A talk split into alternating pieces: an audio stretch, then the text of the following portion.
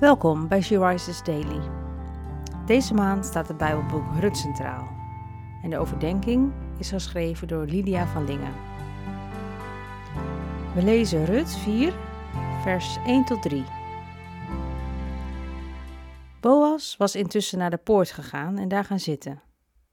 En toen kwam de man voorbij over wie hij gesproken had. Zijn naam is niet van belang en hij zei: Kom hier even bij me zitten. De man deed wat hem gevraagd werd. En ook vroeg Boas tien stadsoudsten plaats te nemen en ook zij gingen zitten.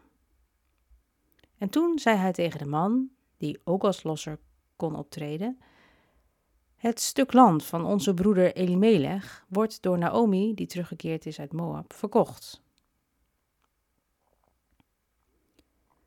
De taak die Boas krijgt is niet zomaar iets. Hem wordt gevraagd de losser te zijn. En dit betekent niet alleen dat hij het land van Elimelech mag kopen, maar ook met Rut zal trouwen. Eventuele kinderen gelden dan als nageslacht van Machlon en niet van Boas. Wij kennen deze gewoonte niet, maar dit was vastgelegd in de wetten van Mozes.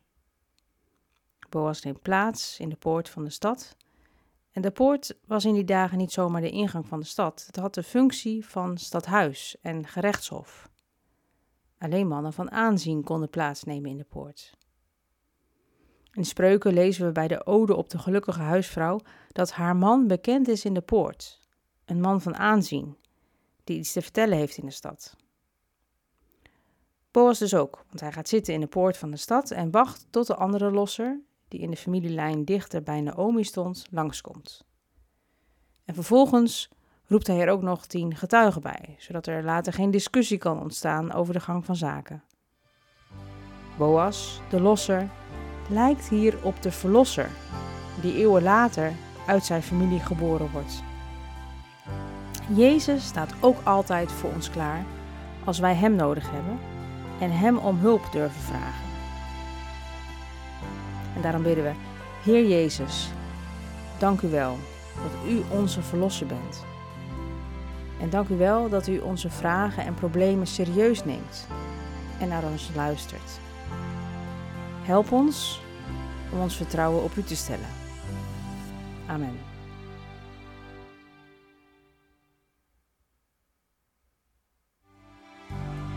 Je luisterde naar een podcast van She. She Rises is een platform dat vrouwen wil bemoedigen en inspireren in hun relatie met God. We zijn ervan overtuigd dat het Gods verlangen is dat alle vrouwen over de hele wereld Hem leren kennen. Kijk op www.she-rises.nl voor meer informatie.